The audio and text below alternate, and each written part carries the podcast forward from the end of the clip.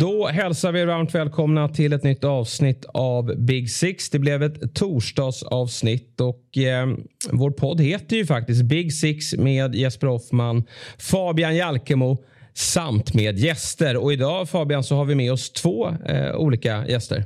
Mm. Eh, vi efterlyste ju en Newcastle-supporter på, på Twitter förra veckan. Det där börjar bli ett litet favoritsegment i podden, att efterlysa gäster och sitta och skumma igenom vad, som, vad vi har där ute och välja vad den personen vi får bäst intryck av. Vi kan väl låta gäst nummer två vara ett liten, en liten teaser än så länge, men eh, vi börjar ju på Newcastle-hållet. Jag ser fram emot det väldigt mycket. Ja, men verkligen så. Det har ju varit en otroligt framgångsrik höst och eh, den som ska få prata mer om det då, det är ju Emil Moberg Lundén. Varmt välkommen till Big Six. Tack så jättemycket killar. Roligt att vara här. Ja, jättekul att ha dig med och du är ju van i sådana här sammanhang för du har ju en egen Newcastle-podd. Ja, vi startade upp en podd nu, lite kontroversiellt och kanske med det här nya nya eh, eran med eh, Piff och de saudiska ägarna och eh, den nya sportsliga framgången som också är det stora resultatet som jag tror de flesta fansen nu vill fokusera på. Men eh, samtalen som kommer dyka upp är man ganska beredd på som Newcastle-supporter här också. Ja, nej, men moralfrågan den ska vi ta eh, vad det lider här. Men, men vi, eh, vi lyssnar lite kring, kring ditt supporterskap eh, och hur, hur, nära du har eh, följt klubben eh, genom åren. Ja, det är nog inte många missade matcher sen det var möjlighet att börja se samtliga matcher. När jag var liten så var det framförallt efter EM 96 och Cheers övergång som, eh, som det blev spik att jag var en eh, svartvit skata och då hoppade man upp på cykeln. Jag hade ingen text-tv hemma på våran gamla tv så då fick man cykla på söndagsmorgonen och eh, köpa tidningen för att se vad, vad matchen hade slutat. Och sen dess så ja, goaltidningar och klippa i tidningar och många olika spelarfavoriter genom åren och Bobby Robson-åren är väl framför allt de som de som formade supporterskapet där man verkligen kände att det här, det här är någonting som jag verkligen gillar. Det var veckans höjdpunkt när vi spelade en vacker fotboll, hade en intelligent, empatisk, underbar tränare, en spelargrupp med massa talang. Då finns det ingenting roligare än att vara en del av en supporterskara och heja på ett lag. Nej, och sen så, eh, alltså, eh, Newcastle var ju heta där vill jag minnas efter i början på, på 2000-talet. Eh, då var ni ju, eh, ni slutade fyra va? Vilken säsong var det? Vi slutade trea, fyra, femma. Trea, eh, första året med Bob Robson, elva. Eh, så han byggde upp ett lag på många talanger med bland annat Craig Bellamy som blev årets unga spelare. Vi fick in en, en jätteduktig vänsterytter som heter Laurent Robert som eh, gjorde många klassmål. Norberto Solano på högerkanten som piskade in inlägg till Shearer och eh, spelade fin fotboll och det var kokade så som det, det, det gör i Newcastle när det går bra. Så sen dess har man besökt staden vid ett, eh, ja, men ett halvdussin tillfällen och sett, sett på matcher. Det är det som är alltså så här, på något sätt konstigt att man visar att man har så, man, man, man är så fokuserad på vad som händer nu med hela Mike Ashley-styret. Men folk glömmer ju lätt att Newcastle har verkligen haft, alltså dels den här Bobby Robson-eran du, du beskriver, det finns ju även, ja men det kanske kändaste klippet när, när, när Kevin Keegan tappade, eh, när han har sin rant mot Sir Alex Ferguson om det Eh, mitten av 90-talet. När Newcastle verkligen utmanar om att vinna ligan och sen har vi även nej, men den senaste om vi bortser från den här eran som är eh, ja, men med Papi Cissé, eh, Dembaba och eh, Johan Kabay på det centrala mittfältet när ni kommer väl femma, sexa där någonstans, eller hur? Femma ja. Eh, Alan Pardew. Det var det är väldigt spännande perspektiv som du lyfter där, för att det är oftast ganska lätt att enas i ett missnöje, men det är mycket svårare tror jag för utomstående att att ha ja, men, förstå eller så här, respekten kanske eller eh, att man unnar andra lag att gå bra när, när man enas kring, eh, kring det sportsliga. Alltså jag hatade ju Manchester United under Alex Ferguson-åren och de lagen som har liksom gått bra. Det var svårt att unna Leicester framgången under Brendan Rodgers-åren när, när det kändes som, som trevligast i början i och med att det var ett namn man kanske själv hade velat haft i Newcastle eller sådär. Men nu tillhör man ju den, den andra sidan där när, när vi har en, eh, en sportslig eh, framgång just nu och det pekar ju åt eh, väldigt trevliga, eh, trevliga riktningar.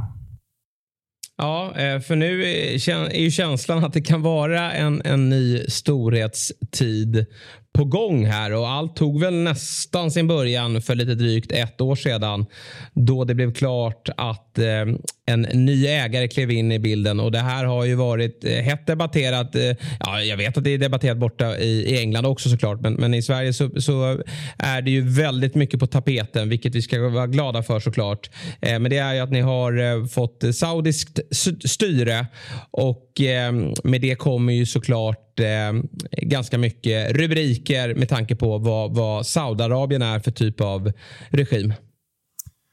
Ja, men det stämmer och den diskussionen eh, har jag fått ta med mig själv. Eh, läste på om en hel del böcker av de som, som man hittade kring hur, hur land, landet Saudiarabien är, är, är byggt. Det var en eh, uppmärksammad dox-dokumentär på SVT Play om mordet på eh, Jamal eh, eh, Koskogi. Jag är dålig på uttal där, men eh, det, är, det är ett eh, förfärligt land med förfärliga mänskliga rättigheter. Eh, och det, det är vad det är, som, eh, som eh, Erik Niva brukar säga. Och Det är väl det jag har fallit lite i utifrån att det finns kinesiska ägare i Wolverhampton. Det finns Qatar-ägare i City, PSG hela fotbollen är ju kapitaliserad idag. Det handlar om pengar. Utan pengar så når du inte framgång. Det kanske blommar en blomma var tionde år som klarar sig utan pengar, men sen köps den ändå sönder.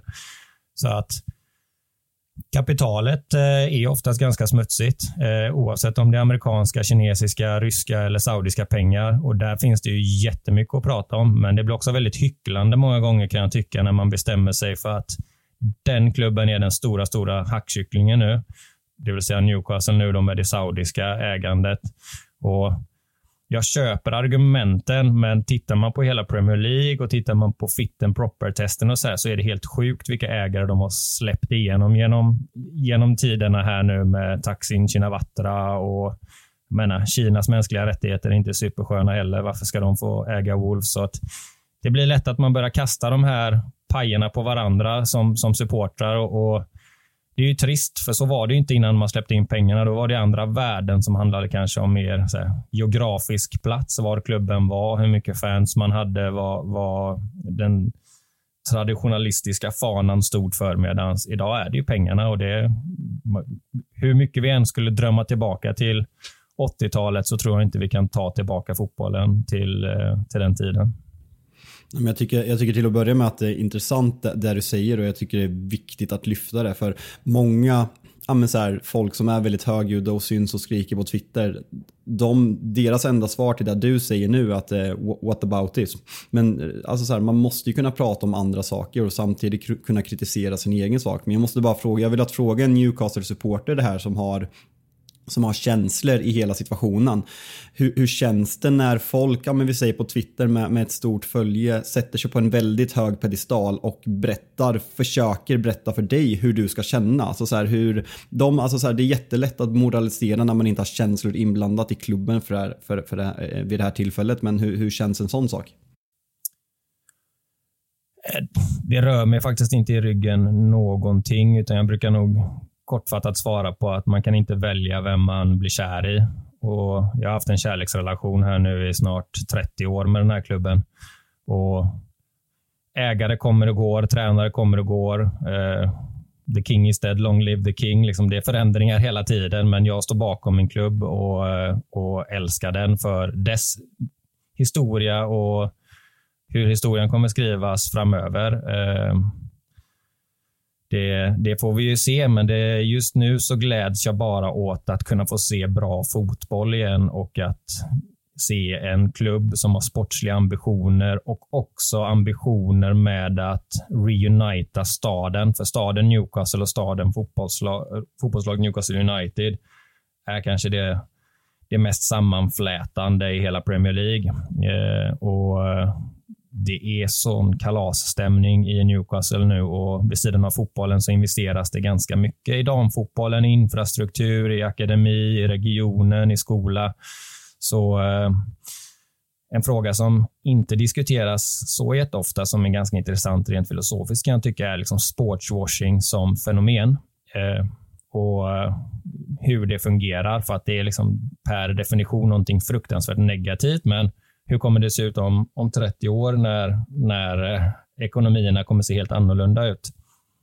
Ja, och jag tycker också det, det är viktigt var du, var du sätter huvudet på spiken där och vilket du också är inne på lite Fabian. Att jag tror att man ska man sitta och, och alltså det finns grader i helvetet, absolut. Det finns eh, olika typer av smutsiga pengar, men jag tror att ska man sitta och hålla på ett lag med, med ryska pengar, kinesiska pengar eller eh, Qatar-pengar och sitta och peka ner på, på eh, saudiska klubbar. Det, det, blir ju fel. Då, då tror jag att man, alltså visst, man kan absolut göra det, men då, då, får man nog lämna fotbollen tror jag. Eh, för, för det är, Premier League har godkänt den här ägaren och ska man vara en del av hela den här cirkusen, vilket ju många tar avstånd ifrån. Det har blivit en för stor eh, eh stor fotbollsfabrik, en kommers, då, då eh, tror jag att man gör, gör bättre i att, att, följa fotbollen här hemma kanske. Lokalfotbollen, eh, 51% regeln För det blir väldigt svårt att, att, att, hylla sitt egna lag och sen peka finger åt andra när, det, när man alla är i, eh, en del av det hela. Ja, men helt enig. Och sen så tror jag att vi ibland, om man ska liksom diskutera den historiska kontexten, eh, man får komma ihåg England också. Det är ett imperialistland bara 70 år tillbaka i tiden som koloniserade stora delar av världen och hade Kenya och Australien och Indien. och Det var inga mänskliga rättigheter den gången heller. Så att det finns liksom alltid ett perspektiv som man kan välja och jag som Newcastle-supporter idag väljer att faktiskt för första gången på kanske 15 år då glädjas åt en sportslig ambition som, eh, som har kompetens och en entusiasm som smittar av sig på oss eh, supportrar. Ja, jag förstår det. För att jag brukar väl inte gilla att titta på de här kalendertabellerna. Men, men jag kan väl eh, räk, liksom lista ut att Newcastle ligger väldigt högt i dem. För det var ju en lite småtrög start då för Eddie Howe när han tillträdde jobbet som Newcastle-manager för lite drygt ett år, ett år sedan. Han fick ju inte träff på bitarna eh, per omgående, vilket vissa såna här eh, nya tränare, när en, när en klubb beslutar sig för att göra en förändring på tränarposten så brukar ju man, man få ganska omedelbart chef, men, men sen att det eh, eh ebbar ut. Eh, här har det snarare varit tvärtom. Tuff start för Eddie Howe, men från och med januari har det ju varit en, en, en stor succé. Eh, hur ser du på förvandlingen och vad är det Eddie Howe och, och ledningen har gjort så bra? Om vi börjar med De Howe så är det först och främst oerhört modigt av honom att ta Newcastle i det läget som han tog det i. Eh, Steve Bruce hade under ett par år brytit ner en trupp som var relativt välfungerande organisatoriskt efter, efter Rafa Benitez. Men ett lag helt utan självförtroende, ett lag i spillror, eh, förfärligt. För, alltså, spel, spelidén fanns inte, utan det var bollen på Wilson eller Maxime och så skulle de göra det. Och så kommer det in en sån struktur, en organisatör, en motivator. Och ganska snabbt, jag tror det var mot Manchester United 27 december, då stod vi fortfarande utan eh, seger och på nedflyttningsplats. Men där såg man att wow, nu kommer den här tolfte spelaren, nu kommer det här trycket. Nu finns det ett pressspel som biter på ett lag på övre halvan. Det finns en aggressivitet. Och precis som du är inne på, efter, efter nyår där så tror jag vi slutar tre eller fyra i ligan. Och mycket ska tillskrivas Eddie Howe, men väldigt mycket måste också tillskrivas att ha ett projekt. Eh, det vet vi nog alla i livet att har vi någonting som vi ser fram emot och tror på och jobbar hårt för så brukar det vara mycket lättare att gå till, gå till jobbet om man har ett, ett mål. Men Newcastle innan Eddie Howe och den nya regimen var ju mållösa. Det handlar ju bara om existens. Men många pratar ju om det här med de bästa tränarna eh, idag. Jag som United-supporter har ju verkligen saknat det här genom åren att sen Fergusons tider har ingen av våra tränare utvecklat och gjort spelare bättre. Det är det som är kanske Eddie House största sak. Att man har lyckats med värvningarna, att ledningsgruppen och värvningsanalytiker har lyckats med, ja, med Sven Båtman, Bruno Gimares, eh, kanske som sticker ut mest som helt otroliga värvningar. Men att Eddie Howe kollar man på truppen nu när Alexander Isak och, eh, och och eh, St. Maximan har varit skadad. Alltså det är Joe Willock, det är Longstaff på, på, på mittfältet, det är Joel Linton som har fått en på nyttfödning, det är Callum Wilson som öser in målet nu när Isak är skadad och eh, ska vi såklart också nämna och Fabian Kjär alltså så här, ser ut som en av Premier Leagues bästa mittbackar. Det är en av de mest imponerande sakerna Eddie Howe har lyckats med sen han tog över, att han får de här spelarna som låg på nedflyttningsplats och knappt hade vunnit en fotbollsmatch i december förra året att, ja, men att slåss om Champions League-platser. Det låter surrealistiskt när man säger det, men det är där verkligheten ser ut just nu. Nej, men verkligen. Och Vissa spelare fungerar bättre utan struktur. Kanske San Maxime. Vi får se om han kan blomma ut och bli den, den världsklasspelare man hoppas. Men att få struktur, så titta på Emil Kraft förra året när Trippier gick sönder. Han blev ju plötsligt en väldigt stabil Premier League-back. Kär som satt på bänken under Bruce alla år är tillsammans med Bottman nu eh, bäst i Premier League. Vi har släppt in nio mål. Eh, Almerion som har varit bespottad flera, flera år nu för att inte göra poäng, börjar göra poäng. Och eh, det, ju, det, kan man ju koka ner till bra ledarskap och eh, vettiga träningar. Ja, och sen tycker jag också att det är smarta värvningar som, som klubben har stått för. Dels utveckling på, på tidigare spelare, men också smarta värvningar sen pengarna kom in. Vi såg ju när, när, Chelsea eh, fick in alla pengar när Abramovic klev in. Så, så, ja, men det var ju, nu, nu tillträdde han ju under sommaren, men det var väl eh, liksom, tiotal värvningar eh, där alla, där man hade stenkoll på, på nästan samtliga utav spelarna. Här är det ju lite jag ska inte säga doldisar, men, men det är ju inte de spelarna som, som Big Six-klubbarna kanske jagar. Eh, och, och, då tänker jag ju på, eh, ja, nu var ju Bruno Gimares, han hade ju intresse runt omkring sig, men han var ju lite av en doldis ändå, får man säga. Och han har ju redan utvecklat sig till, till en av eh, ligans bästa spelare. Eh, Trippier hade väl kunnat absolut ta sig in i en Big Six-klubb, men, men han kanske inte pikade i sin karriär när han, när han kom. Och Bottman, ja, där har det funnits italienskt intresse, men eh, det var ju till Newcastle han till slut gick. Så att jag, eh, jag gillar ju hur man har, eh, hur smart man har tänkt till eh, gällande rekryteringarna och att man har varit ganska försiktig ändå och inte spenderat allt för mycket ännu. Nej, men det är det här spelare, vilket är tydligt. Det är två bollspelande mittbackar som kan slå mackor som sitter på läppen på 50 meter. Det är en ledare på höger backen som kan få möjligheten att gå framåt ganska långt för att Dan Burn mer eller mindre faller ner i en trebackslinje när vi har boll, vilket gör möjligheten då att vårt ganska aggressiva pressspel kan få byta. Och precis som du är inne på så Pope för 10 miljoner pund, Trippier för 12 miljoner pund. Det är, det, det är fyndvärvningar. Det är klasspelare som kanske kommer starta för engelska landslaget i VM här nu som kostar de här små pengarna om man jämför med Harry Maguire eller Kepa då om man tittar på Chelsea och, och United som hur de har spenderat. Vad då menar du att Maguire har varit en dålig värvning eller? Akta dig, han kanske dyker upp i Newcastle snart. han har haft känning i baksidan sen han lämnade Leicester känns det som. ja, ja, verkligen så. Eh, Alexander Isak nämner du inte här. Det är ju den dyraste värvningen hittills. Så det blir alltid sådär när, när en svensk eh, gör en, en stor eh, övergång så, så, blir ju alla väldigt exalterade. Medan det kan vara som så att de som väl håller på klubben, de kanske tycker att det är, det är lite jobbigt att det blir lite för stort fokus kring en, eh, en svensk. Vad kände du när Alexander Isak blev klar för Newcastle? Men lite blandade känslor. Eh, en viss oro för, för flopp. Jag tycker inte Alexander Isak har haft eh, consistency eh, i svenska landslaget och inte heller i Sociedad de senaste åren. Jämför man Isak med Kulusevski till exempel, om det är barn av samma tid, så, så tycker jag det finns en helt annan eh, eld i ögonen på Kulusevski många gånger än Isak. Eh, så att jag ställde en del frågetecken kring om han verkligen skulle kunna klara det fysiska spelet i Premier League med den enorma... Eh, alltså, det är klart att det är mycket uppmärksamhet i Spanien också, men Premier League är ändå hela världens liga idag. Och, eh, ja, matchen mot Liverpool tystade mig ju direkt. Så sen dess så ska det bara bli väldigt spännande och så länge det är i klubben så tror jag att jag, jag litar på de flesta värvningarna. Får vi in en dålig tränare så tror jag Isak är en sån som kan ta väldigt mycket stryk av att inte ha en vettig eh, tränare.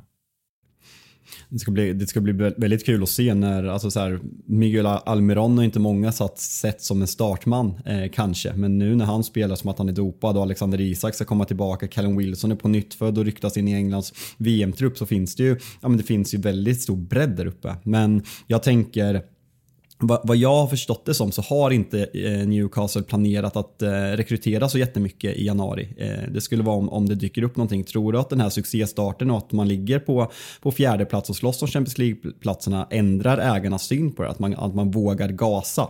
Eller hur, hur tror du att de kommer agera i januarifönstret?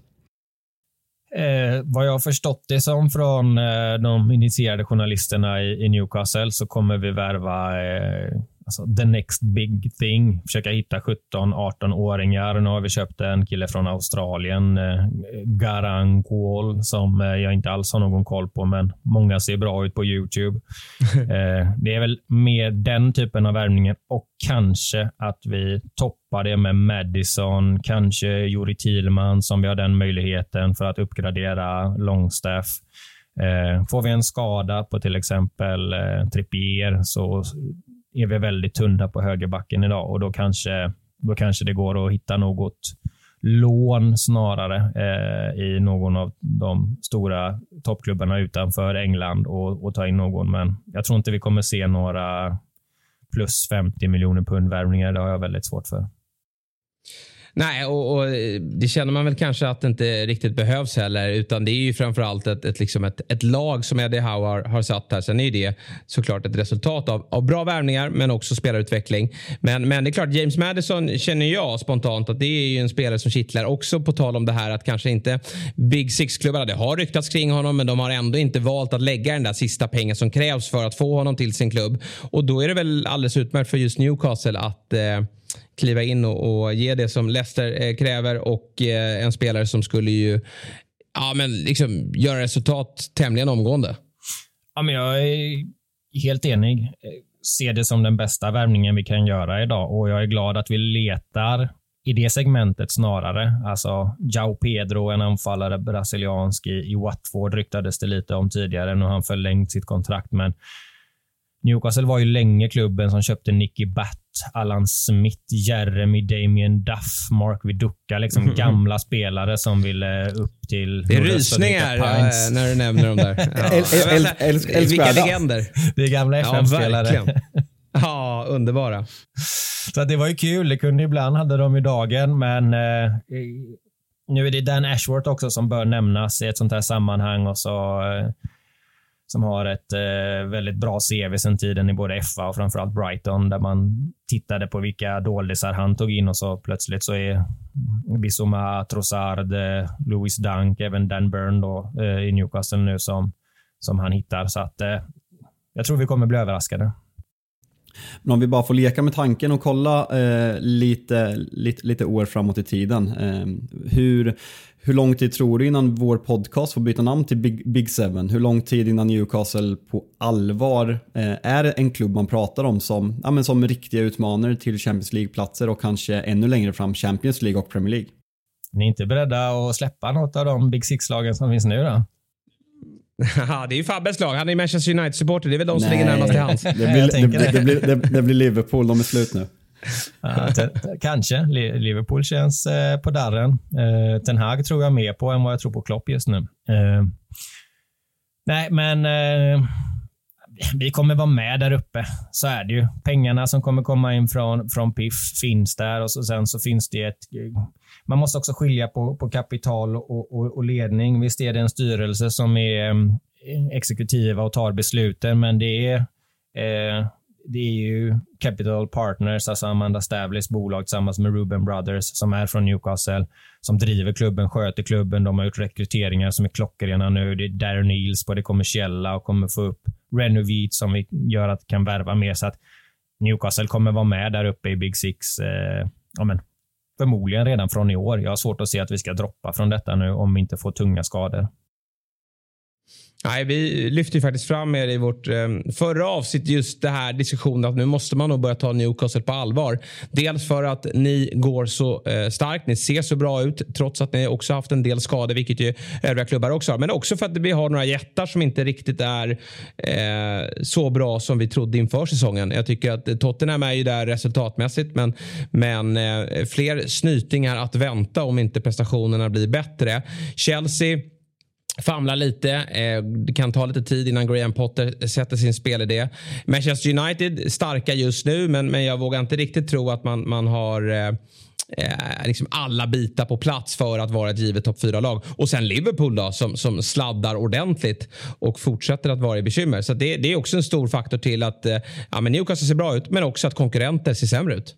Ja, men det är Newcastle, City Arsenal som är de tre harmoniska lagen. Eh, United gör det väl bra utifrån förutsättningarna, men jag vet inte vad, vad du som United-supporter säger med, med Ronaldo och hela den soppan, men det är klart att det har påverkat. Ja, nej men verkligen. Och det är en liten, alltså det, det, är ett projekt som jag skulle säga ser bättre ut än vad man har tänkt sig. Alltså efter de två första plumparna mot, eh, mot Brighton och Brentford så är det ju ändå ja, men en hoppfull känsla och jag är väl på, på en bättre plan än vi har varit på väldigt många år som United-supporter. Ehm, så det är väl det som är positivt, men sen samtidigt, vi såg ju mot City hur långt det är kvar till att utmana de största klubbarna, så eh, det blir en kul vår.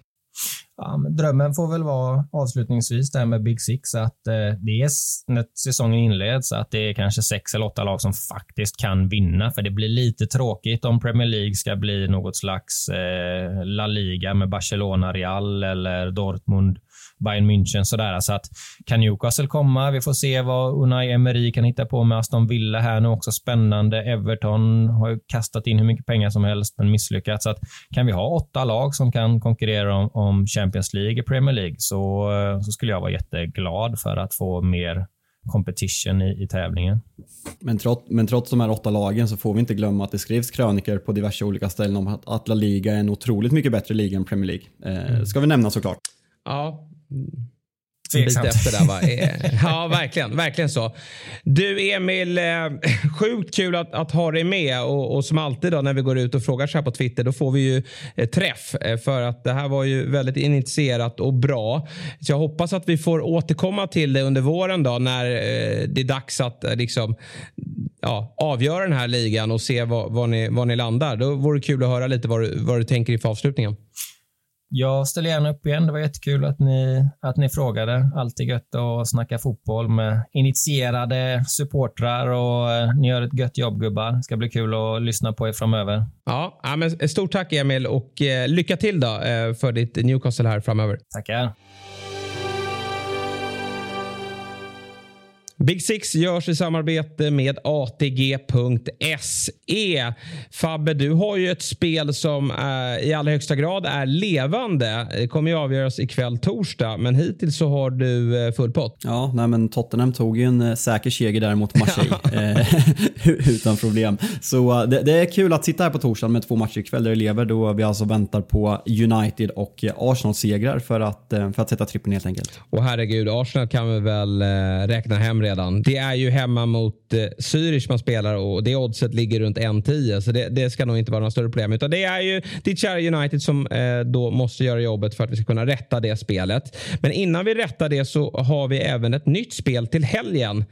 Och eh, det här spelet gillar jag verkligen att sitta på eh, söndag eftermiddag. För att eh, poängtera den otroliga eh, formen man, man sitter inne på så måste vi även nämna att man satte 9 av 9 på Big Nine i, igår under Champions League. Så det, det är med självförtroende man kliver in. Och Eh, stormatch på Tottenham, Hot, eh, Tottenham eh, Stadium där Tottenham alltså tar emot Liverpool. Ett Tottenham med väldigt mycket avbräck. Väldigt mycket avbräck. Och ett Liverpool som, vi har sagt det tidigare, men de är på gång efter segern mot Napoli. Liverpool vinner den här matchen och Mohamed Salah gör mål, vilket ATG erbjuder 3,95 på. Den är riktigt kul att jobba. Jag sitter ju på Salah i fantasy, Premier League. Så jag, jag hoppas ju att du får rätt. Och på tal om fantasy så är det ju faktiskt som så att vi har ju redan nämnt det, men det går ju att bygga egna spel borta hos ATG. Det går att spela Big Nine, men det går också att spela fantasy och det har vi gjort sedan en, en, en tid tillbaka. Så vi har fått dra igång en liga borta hos ATG Eh, och Den heter alltså Fantasy TV Game Week 15 som man går in och och eh, anmäler ett lag. Det kostar 100 kronor att få delta.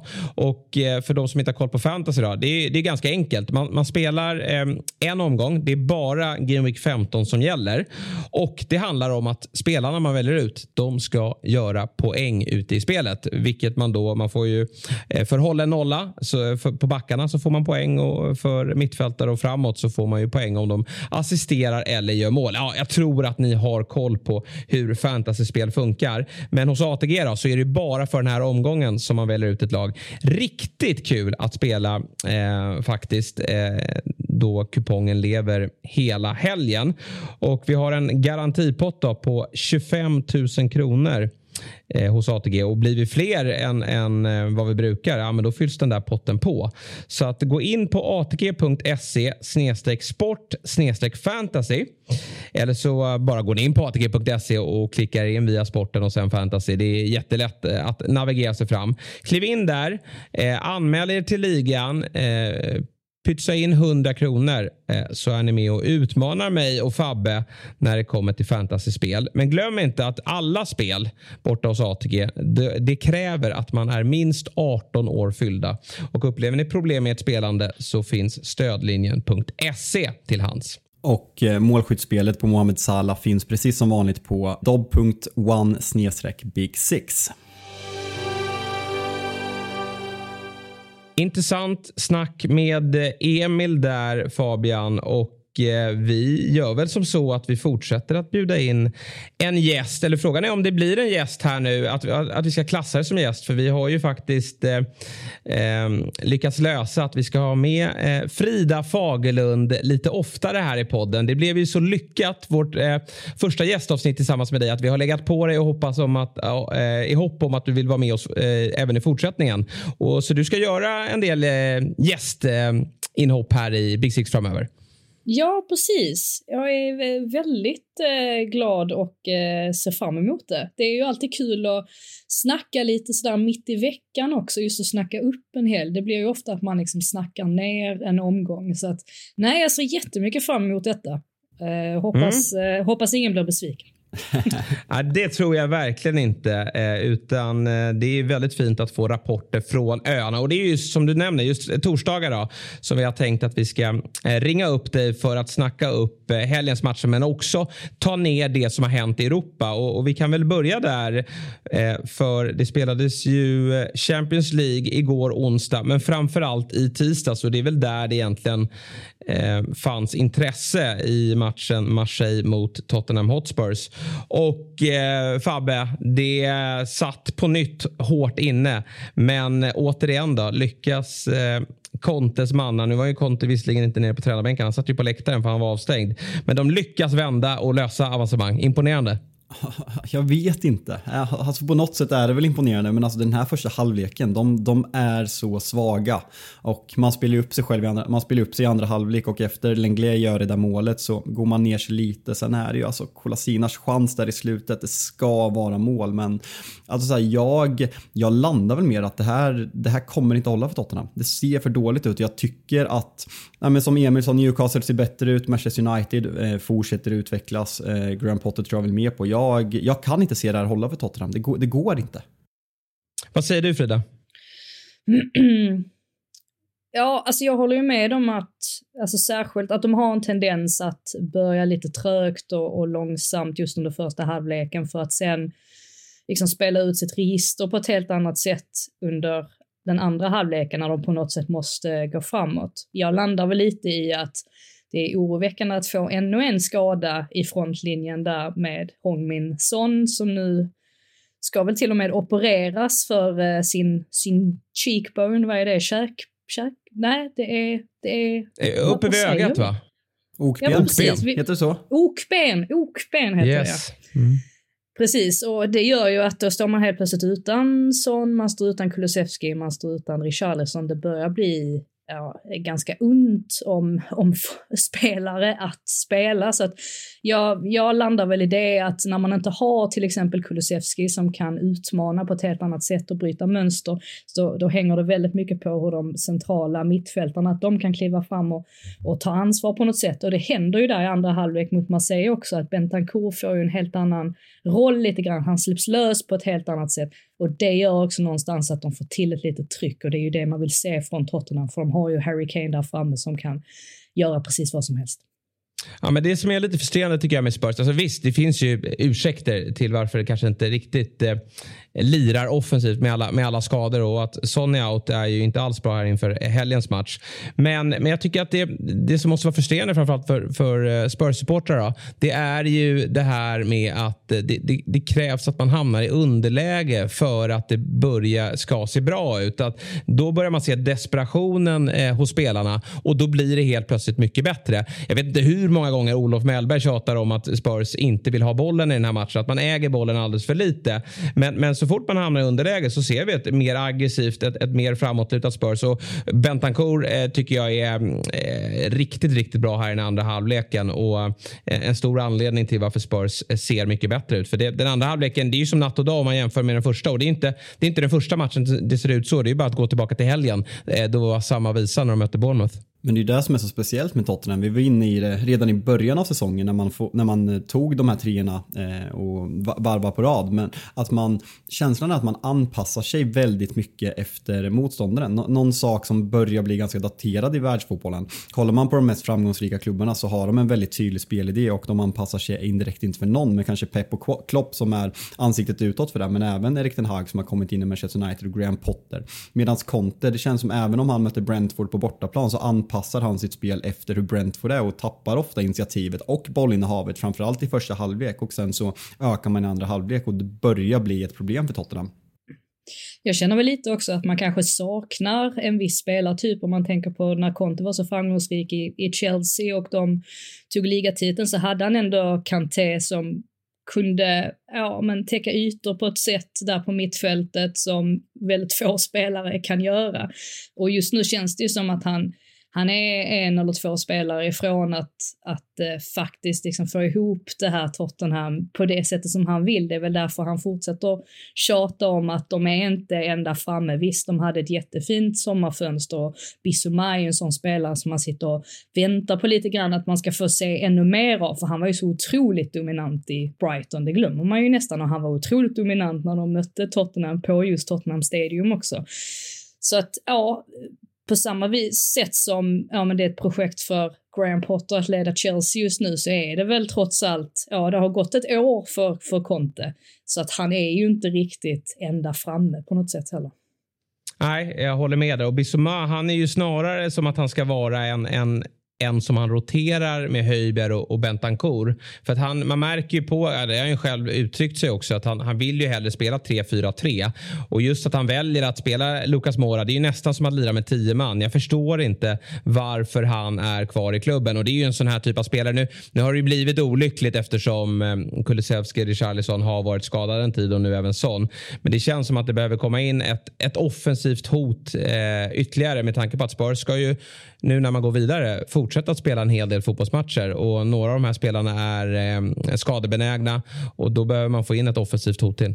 Men eh, Frida, hur går snacket där borta om Conte? Jag, jag, jag bollar upp efter förra, eh, förra veckans Champions League sen, sena bortdömda mål när han indirekt tappade på presskonferensen. Att hans kommentarer då började eh, tyda lite på eh, början på slutet. Alltså så här Mourinho-vibbar när han har tappat det och börjar kritisera klubben och säga att man är så långt efter. För att några dagar senare kavlar The Athletic ut att Spurs och Conte diskuterar ett, eh, ett long term contract. Alltså så här, hur, hur går snacket där? Vad är känslan? Kommer han förlänga eller vad vad, vad, vad tror folk?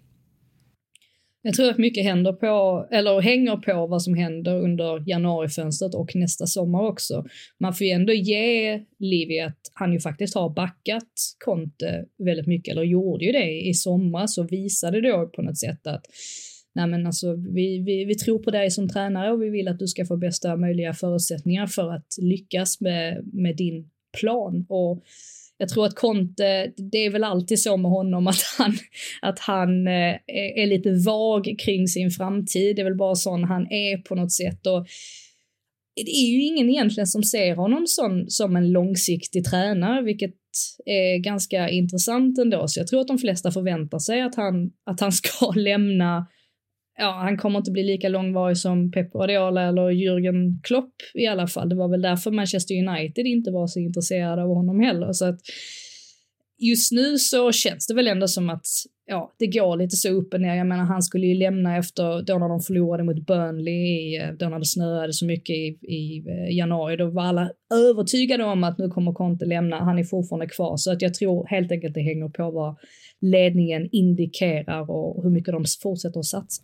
För det, det är det som är lite problematiken med Conte historiskt. Han har ju tagits in för att vinna. Eh, för att han är bra på att vinna titlar. Men han, han bygger ju ofta lagen väldigt mycket efter sin filosofi. Och kollar man på vad som har hänt med Contes klubbar efter han har lämnat så är det ofta en väldigt negativ spiral. Så hur lämnade Tottenham när, när Levi satte de här pengarna på att värva Conte-spelare? När man, ja men för att vara helt ärliga, Tottenham kommer inte vinna Premier League. Eh, jag kan inte se det hända de nästkommande fem åren och så länge kommer Conte inte vara var, var, var kvar. Vart lämnar det Tottenham efter Conte när man bygger en trupp helt efter hans filosofi?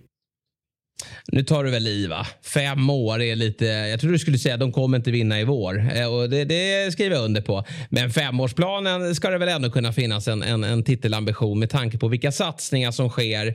Harry Kane blir kvar. Nej, jag tycker inte man ska döma ut Spurs fullständigt. Jag, jag säger, jag kan höja till 10. Tottenham vinner inte ligan på 10 år. Inga men, problem. Men, vart ska, men så här då, vart ska, vart ska Conte gå? Alltså, jag, jag, man kan absolut eh, skoja om, om Tottenhams historia, att man ur, ur det perspektivet inte kan klassas som en stor klubb. Men hur många klubbar har bättre förutsättningar framåt då? Sett till arena, sett till att det är en ägare som nu vill också spendera pengar på spelartruppen. Han befinner sig i superligan i form av Premier League. Alltså visst, han kanske vill flytta tillbaka till Italien för det är därifrån han kommer. Men där har vi ju väldigt många klubbar eh, på dekis eh, och som inte mår lika bra ekonomiskt. Jag ser liksom inte vad, vad Contes nästa steg eh, ska vara just nu och, och, det är inte så att det finns något, något ledigt jobb och det är ju några stora tränare som står vid sidlinjen. Eh, jag tänker på Thomas Tuchel, eh, Pochettino och, och, och snart även Allegri. Har det inte så många jobb egentligen kvar på något sätt? Man tänker att Pochettino är fortfarande arbetslös, Tuchel sitter och väntar på sin stora chans det finns inte sådär jättemånga toppjobb egentligen inom fotbollen, så där håller jag med om att Conte har ju en jättemöjlighet här att, att göra någonting bra av detta då eftersom att han ja, han var väl på tal antagligen att ta över United, men att, ja, att de kände att det är inte den typen av tränare vi vill ta in. Så att jag tror väl lite grann också att Conte, det är ett spel för gallerierna också, alla hans presskonferenser. Han vet att det är ett bra sätt att kommunicera vad man, vad man vill, eh, särskilt då till ledningen inte minst. Sen tror jag det är viktigt för Tottenhams eh, del att vi, liksom visa fotbollsvärlden att man menar allvar. Eh, liksom, Conte är ju någon form av liksom, sin, det är sånt signalvärde i att ha honom att man, man vill någonting. Alltså, vi, vi ska vinna saker för att eh, Antonio Conte är en, en vinnare. Och, och jag tror att ska man kunna rekrytera rätt spelare för att kunna vinna saker, då är det viktigt att man har eh, konto på den posten. Så även om det är lite tufft just nu så tror jag att det är viktigt att, att vara mjuk i diskussionerna ehm, eh, tillsammans med, med Conte. Att, att visa på att vi, vi tror stenhårt på dig, även om det liksom inte klickar spelmässigt just nu. Men eh, vi, vi vill ha kvar dig i det långsiktiga projektet. Och sen ska det sägas, man parkerar alltså på tredje plats väl i Premier League. Man ja. Eh, lyckas på något sjukt sätt vinna den där Exakt. gruppen även om man är ute i, ute i paus. Så, eh, alltså så här, koll, kollar man på de resultaten så framstår jag som ja, en riktig idiot som sitter och hävdar vad jag gör. Eh, måste bara innan vi går vidare från Tottenham. Hörde ni på tunnelbanan i Paris, eh, Tottenhams, alltså engelska fans är ju bäst på banter och eh, ramser. Hörde ni deras Emerson Royal-låt eller? Nej, nej. har inte Ta, ta, ta ton. Du kan väl, nej det kommer, det kommer inte ske. Det har gjort för mycket i offentliga sammanhang. Men Harry, du kan väl klippa in ett uh, litet klipp så får lyssnarna höra. He can't defend, he can't attack. Ja. så det ligger någonting i det. Ja, och eh, Emerson Real, man får ju inte riktigt träff på eh, höger wingbackspositionen. Det är kanske är ytterligare en sån här position, trots att man har många alternativ som man behöver förstärka då, eh, här i, i januari. Men viktigt också att Spurs vinner den här gruppen. Eh, Höjbjergs mål är ju eh, otroligt viktigt. Man, man tror ju där i, i typ någon sekvens innan att han har brutit foten, men helt plötsligt så sticker han i djupled och skickar in en riktig projektil och Spurs vinner gruppen. Och eh, fram tills igår kväll då så, så såg det ju väldigt bra ut så här, lottningsmässigt för Spurs. Men så gick ju PSG och, och blev tvåa här nu, vilket ju liksom sprider skräck till nästan alla lag. Eh, det är ju tre engelska lag som har vunnit sina grupper i City, Chelsea och Spurs. De kan ju nu få möta PSG då i en åttondelsfinal. Det vore ju en nitlott. Men skönt å andra sidan då för Liverpool som eh, ju hade eh, som har fyra lag de kan få möta. De kan inte få möta ett engelskt lag och det är alltså Porto, Bayern München, Real Madrid och det hade vad allt eh, pekade på eh, eh, kunnat bli PSG, men det blir istället Benfica.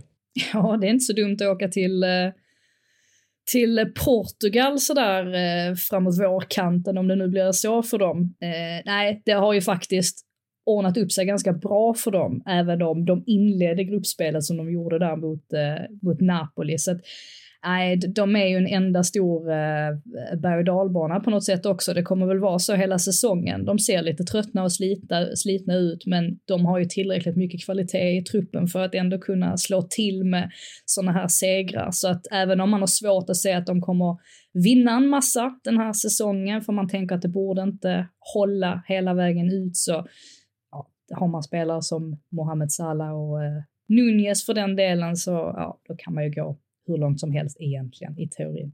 Mm, det blir spännande att följa lottningen här då, eh, som är väl på fredag va, tror jag? Eller är det måndag? Måndag tror jag. Måndag, måndag ja. Eh, sen är det eh, långt kvar innan det drar igång åttondelsfinalerna. Från Chelsea kan vi rapportera att det blev en fyrbackslinje den här gången. Jag satt och såg den här matchen mot Dinamo Zagreb. Skönt att få igång eh, Sterlings eh, poängproduktion. 1 plus 1 i den här matchen. Eh, Sakaria, säger man så? Ja, alltså de här borta säger, de, säger de ju Sakaria. Ja, Men det vet precis. man ju aldrig om det är rätt. Nej, exakt. Jag, jag, går på det spåret. Gjorde debut och hamnade i eh, målprotokollet. Men det man snackar om där borta, va, eh, Frida, det är ju det som sker i slutet av matchen. Ben Chilwell kliver av med en skada. Ja, men precis. Det ser ju inte bra ut. Från att ha haft en väldigt stor uppsättning ytterbackar så står England helt plötsligt med en mycket mindre uppsättning ytterbackar och vänsterbackar har man kanske inte haft sådär jättestort överflöd av. Det är ju Luke Shaw och sen så är det ju Kieran Trippier då som också har spelat till, eller använts till vänster och Ben Chilwell då.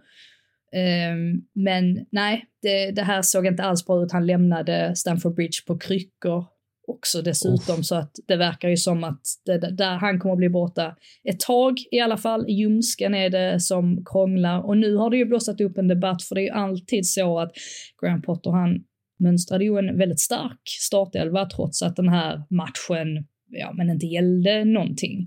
Och det kan man ju ändå förstå på ett sätt. Han är en ny tränare, han vill ju såklart att ja, de ska hitta hitta sin grej eller hitta rätt under honom, särskilt efter att man åkte på en sån stor förlust mot Brighton. Samtidigt så, ja men så såg vi ju Zakaria bland annat då, så att det var ju inte som att det var en helt ordinarie eh, startelva, men nu har han alltså fått kritik för att han spelade Ben Chilwell hela matchen.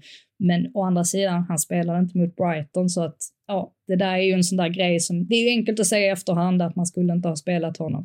Nu blev det så här i alla fall och det är ju inte bra för Potter som helt plötsligt står utan Ja, man står utan Rich James, står utan Chilwell. Det är ju samma situation som Thomas Tuchel hade för exakt ja. ett år sedan och vi vet hur det gick.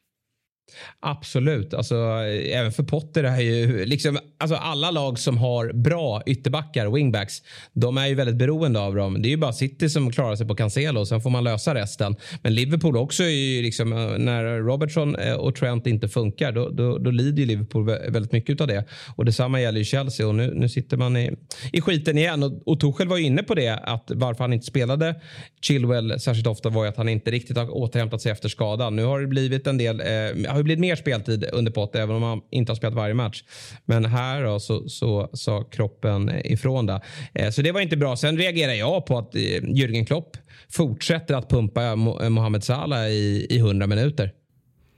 Det, alltså så här, känslan är att det, det gör han ju alltid och har alltid gjort. Och han har ju klarat sig ut, ut, utan skador. Och det är ju samma den här matchen. Alltså så här, ja, Liverpool hade kunnat vunnit med 4-0 men den här matchen gällde ju inte heller jättemycket. Och att han ställer upp, han klagar på skador, han klagar på tight schema men ändå ställer han upp med sitt absolut bästa lag inför Ja, men det, det är det som är speciellt. Alltså City är det som laget som roterar mest och man har på pappret den absolut lättaste matchen medan Tottenham eh, möter Liverpool och Chelsea möter Arsenal. Arsenal har inte säkrat gruppsegern helt så det blir intressant att se hur de ställer upp i, i kvällens match mot Zürich möter man väl i Europa League. Eh, så det, det är väl speciellt framförallt att man reagerar på Liverpool och Chelseas 11 som indirekt inte har något att spela för de här matcherna. Nej. Om vi ska börja blicka mot, mot helgen då. Släppa eh, Champions League. Vi skippar Europa League. Det, det känns tämligen ointressant. Eh, så tar vi oss till Premier League och eh, det är ju två riktigt eh, stora matcher i London eh, under söndagen. Var eh, befinner du dig, eh, Frida? Jag kommer vara på Tottenham-Liverpool. Eh, men jag tycker det klaffar ganska bra ändå med att då hinner man se första, den första matchen eller derbyt där eh, tidigt mm. och sen kan man dra direkt till eh, Tottenham Stadium. Och det är ju alltid sådär med Chelsea Arsenal att det känns som att när Chelsea är favoriter då går Arsenal och vinner och när Arsenal är favoriter då går Chelsea och vinner. Så att jag förväntar mig väl att det blir en Chelsea-seger då antagligen baserat på hur eh, den inledande, ja, eller hur inledningen har sett ut här av säsongen. Ja, eh, Fabian, håller du med om att, eh, som Frida är inne på här, då, att Arsenal är favoriter? Eh, ser man till skadeläge så har det ljusnat. Vi, vi har noterat här att både Sinchenko och Saka som fick kliva av i matchen här senast mot Forest är tillbaka i full träning och har ju möjlighet att starta den här matchen. Alltså den här, nu riktigt ett, ett kryss två svar, men den här, den här är väl den mest öppna av de här matcherna på förhand skulle jag ändå säga. Det är ju häpnadsväckande om vi kollar den här säsongen vilken hemmafördel det har varit i Big Six-mötena. Eh, det är väl Tottenham som har tagit poäng mot Chelsea på, på bortaplan i en match som eh, ja, men Chelsea var helt överlägsna. Annars är det väl idel hemmasegrar i varje match om jag inte är helt fel ute. Eh, så det gör väl att det på något sätt talar för Chelsea. Man är starka på Stamford Bridge, det får man inte glömma, men samtidigt Arsenal, man går från klarhet till klarhet och Eh, vi, eh, vi sa att det måste vända, det måste vända. Man är inte så här bra, man överpresterar men eh, 12-13 omgångar in så måste vi ändå landa i att man, man är så här bra och man får väl på något sätt lasta favoritskapet på, på, på söndag skulle jag säga. Och det har mycket med ja, men avbräcken som vi pratade om på Chilwell och Reece James. Kucherey är väl, ja, men, som vi pratade om i måndags avsnitt, utbytt i fem av de sex senaste matcherna när Graham Potter ändrar formation. Så han är inte i form och hittar inte riktigt sin roll. Så eh, nej, skulle jag säga någonting så säger jag nog ändå Arsenal. Ja, eh, och det är två eh, lag med, som lever i olika världar på så sätt att Arsenal, där vet vi hur startelvan kommer se ut om alla är, är skadefria. Men, men det är ju helt omöjligt Frida att spekulera kring hur Chelsea kliver ut i den här matchen. Ja, nej men så är det. Sen så har ju Kukurea på något sätt blivit the scapegoat. Eh, det, det, var inte så mycket hans fel egentligen att det såg ut som det gjorde mot Brighton för att det var inte så lätt att täcka upp där. Eh, hela den kanten och Solly March hade ju tränat specifikt på att eh, gå eh, en mot en med Kukurea och känner ju honom väldigt väl så att det var ingen lätt arbetsuppgift. Och sen så mot Man United så var det ju bara för att man kände att man behövde en extra spelare på centralt mittfält. Så att, eh, han, han har fått väldigt mycket skit inledningsvis och jag håller ju med om att han har inte sett alls lika bra ut efter att han kom tillbaka från sin skada som han var dessförinnan och jag menar han blev utsedd till Brightons bästa spelare förra säsongen. Där har vi inte riktigt sett honom än. Eh, så att nej, det blir intressant att se hur, hur, hur, Potter ställer upp. Man har ju svårt att se att han kommer köra vidare på det här med eh, ja, men två yttrar som, som i stort sett är uppställda som wingbacks och ligger väldigt, väldigt högt. Eh, just eftersom att det blir lite för eh, ja, det blir lite för vanskligt. Dock någonting som man la märke till, eh, tyckte jag, i mötet med Dinamo Zagreb var att eh, Zakaria var eh, väldigt duktig på att täcka upp eh, där på kanten, alltså just de ytorna som, som skapades där, trots att de spelade med, med en fyrbackslinje till och med. Det är ju lite det man har sett Eh, att Potter vill att hans eh, centrala spelare ska göra. De ska gå ut och täcka de ytorna, vilket gör att det ska inte bli så mycket ansvar för ja, men yttrarna i, i trebackslinjen eller ytterbackarna i trebackslinjen. Så att eh, vi får väl se om han ändå vågar återgå till det och kanske ja, justerat lite, lite grann så att det inte blir sådana där jättestora ytor att, täcka. Men eh, jag tror ingen vill se både Sterling och Pulisic på, på varsin kant efter, eh, efter mötet med Brighton. Det känns lite risk, riskabelt. Han kommer säkert starta den och sen byta efter 20 minuter när han fattar att det inte funkar ja. för eh, åttonde gången i år. Oj, fem men... byten ju. Så att, Exakt, han, han nyttjar dem fullt ut. Men vad, vilka tror ni är mest nöjda med ett kryss den här matchen? Nöjer sig Arsenal med ett kryss eller känner man att man kan utnyttja att Chelsea är ja, men, lite ur balans, man vet man hattar fortfarande med uppställningarna eller kommer man, eh, kommer man nöja sig med krysset? Jag tror man har respekt för Potter här och, och jag tror att ett, ett kryss är faktiskt ganska bra på Stamford Bridge trots att det är en del skada. Jag tycker att eh, alltså, man, man ser att eh, det finns en, en höjd i det här Chelsea och, och eh, det finns eh, spelare som verkligen kan kliva fram i den här typen av matcher. Så att Arsenal, visserligen blir man väl inte vintermästare då va? Eller VM-mästare, det, det, är ett nytt begrepp. Men, men eh, om, om man kryssar, för då går väl City om. Eh, och, om vi, liksom, vi antar att City vinner båda eh, sina två sista matcher innan uppehållet. Men då kan vi ju summera en, en otroligt bra start för, för Arsenal eh, vid ett kryss här. Chelsea däremot, eh, ah, de behöver ju tre poängen.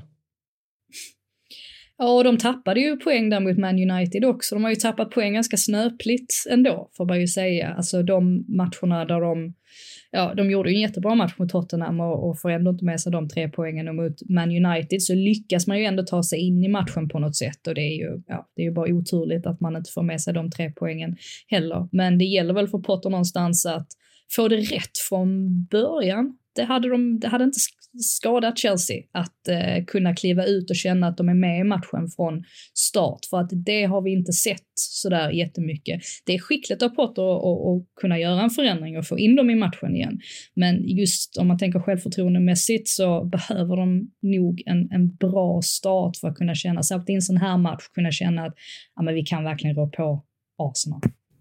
Men mm. någonting om man kollar tabellen som Chelsea måste tillsammans med Manchester United. De har alltså gjort 17 mål eh, på, på 12 matcher. Medan kollar man på Tottenham som vi ifrågasätter hur det ser ut offensivt, har gjort 26 mål. Och Manchester City som i och för sig är dopade av en viss norrman har gjort 37. Mm. Eh, vi pratar ju om den här eh, förbannelsen över nian. Aubameyang har gjort skapligt mycket mål men sen nästa match så roteras han så Chelsea måste ju få igång att målskyttet ska lossna. Arsenal, Gabi Jesus har ju den här måltolkningen vi pratar om men så länge han gör sina medspelare bättre och Saka, Martinelli och Ödegård fortsätter göra mål så ser jag inte något problem där men Chelsea måste hitta en lösning här.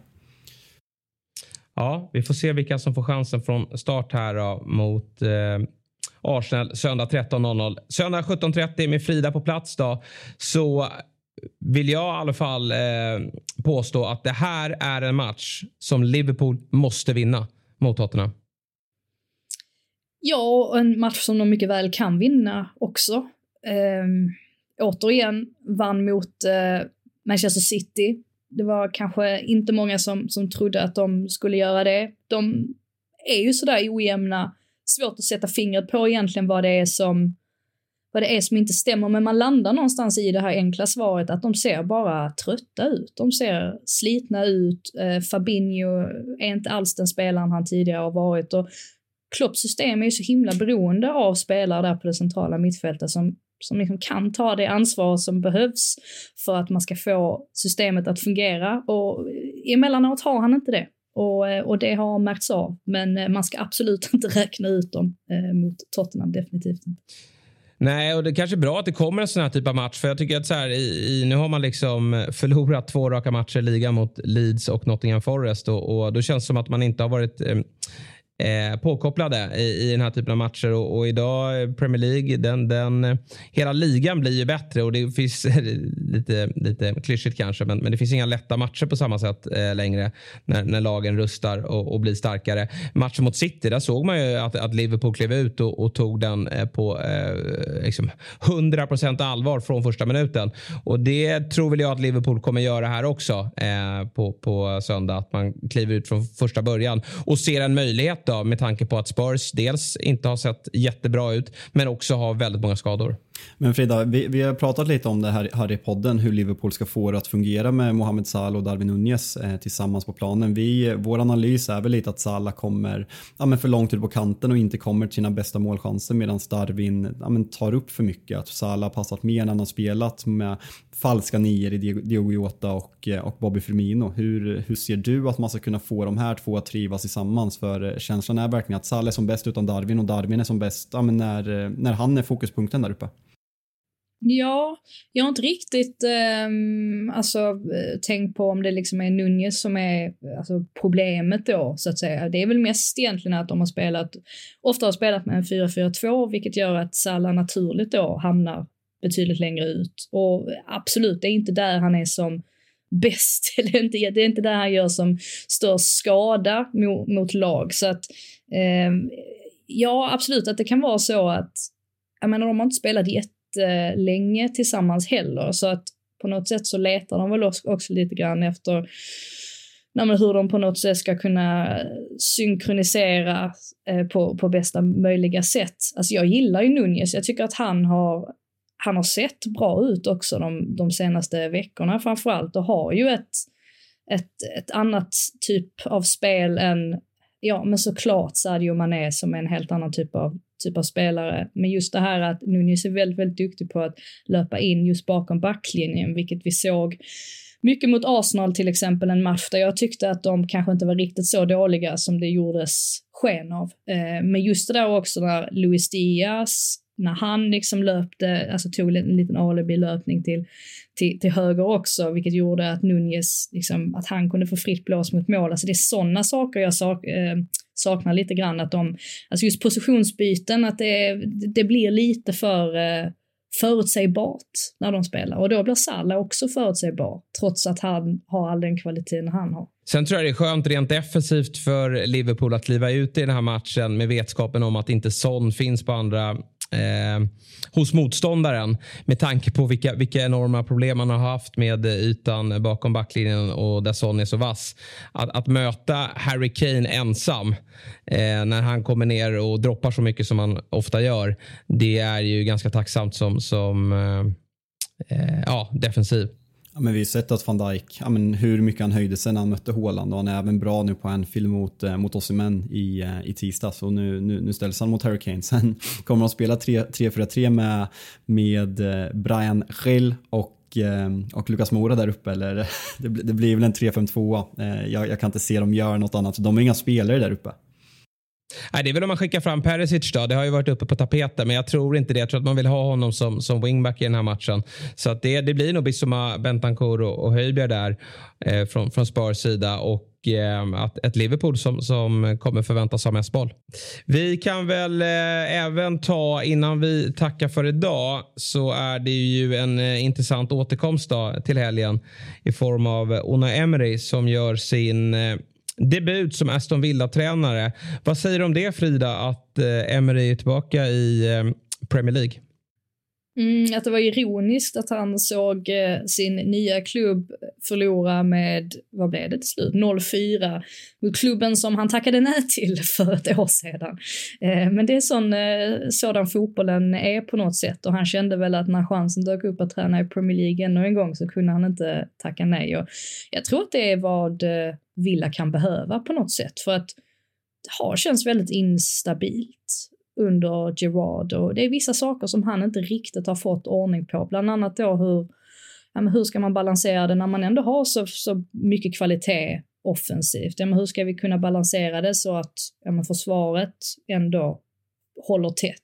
Och där har ju Emery en utmaning och jag tror att det finns eh, få tränare som är bättre lämpade att försöka få ordning på den balansen än, än just honom. Och eh, ja, det känns som att mittfältet, särskilt det centrala mittfältet, är en, en sån där avgörande nyckel för att Villa ska få ut mer av sitt spel än vad man har fått hittills. Eh, jag tycker ändå att den 4-2-3-1 eh, fungerar väldigt bra eh, för deras del när de spelar med det och när de spelar liksom mer brett än vad de har gjort tidigare. Och Gerard gillade inte att spela brett, han gillade inte att spela med yttrar. Eh, så att eh, vi får väl se vad Emery hittar på här. Mm, väldigt spännande eh, premiär då mot Manchester United som är heta, även om de har en eh, hyfsat viktig match ikväll då mot Real Sociedad där man spelar om gruppsegern då i eh, Europa League. Mm, ja men det får man verkligen säga. Eh, vilka var det? Så Martial, Anthony och eh, Sancho eh, reser inte till Spanien så det är ju rejäl avbräck. Så att Ronaldo startar eh, på bortaplan i Spanien eh, gör inte eh, förväntningarna jättehöga. United måste vinna med 2-0 och vi har ju benämnt hur viktig den här matchen är för United. Dels för att slippa två extra matcher men även fram, kanske framförallt när man ser vilka lag som har slutat på tredje plats som man kan lottas mot. Så få in två, två matcher mot eh, Barcelona eller eh, Juventus skulle ju kanske inte vara, vara toppenbra i det redan tajta schemat. Så nej, men det, det ska bli en kul match ikväll. Ja, det lär ju bli en, en, en bra elva från United och kanske då att Elanga får en ny start med tanke på avbräcken som du nämner. Bra så, då har vi snackat upp helgen. Det blir en helt otrolig söndag eh, och, och, som du är inne på Frida så får man ju faktiskt, eh, även för dig då som ska eh, ta dig till arenan så får man ju verkligen möjligheten att se båda matcherna här. Ja, det är en super Sunday eh, för en gångs skull på riktigt. Mm.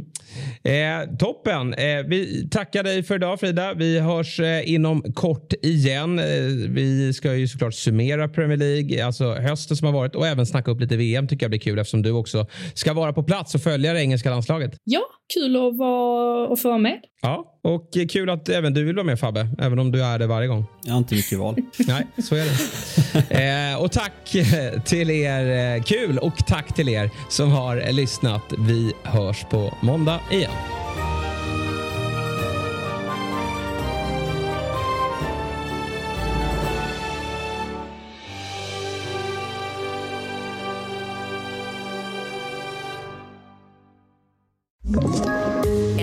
Poddtips från Podplay. I fallen jag aldrig glömmer djupdyker Hasse Aro i arbetet bakom några av Sveriges mest uppseendeväckande brottsutredningar går vi in med hemlig telefonavlyssning och, och då upplever vi att vi får en total förändring av hans beteende. Vad är det som händer nu? Vem är det som läcker? Och så säger han att jag är kriminell, jag har varit kriminell i hela mitt liv men att mörda ett barn, där går min gräns. Nya säsongen av Fallen jag aldrig glömmer på Podplay.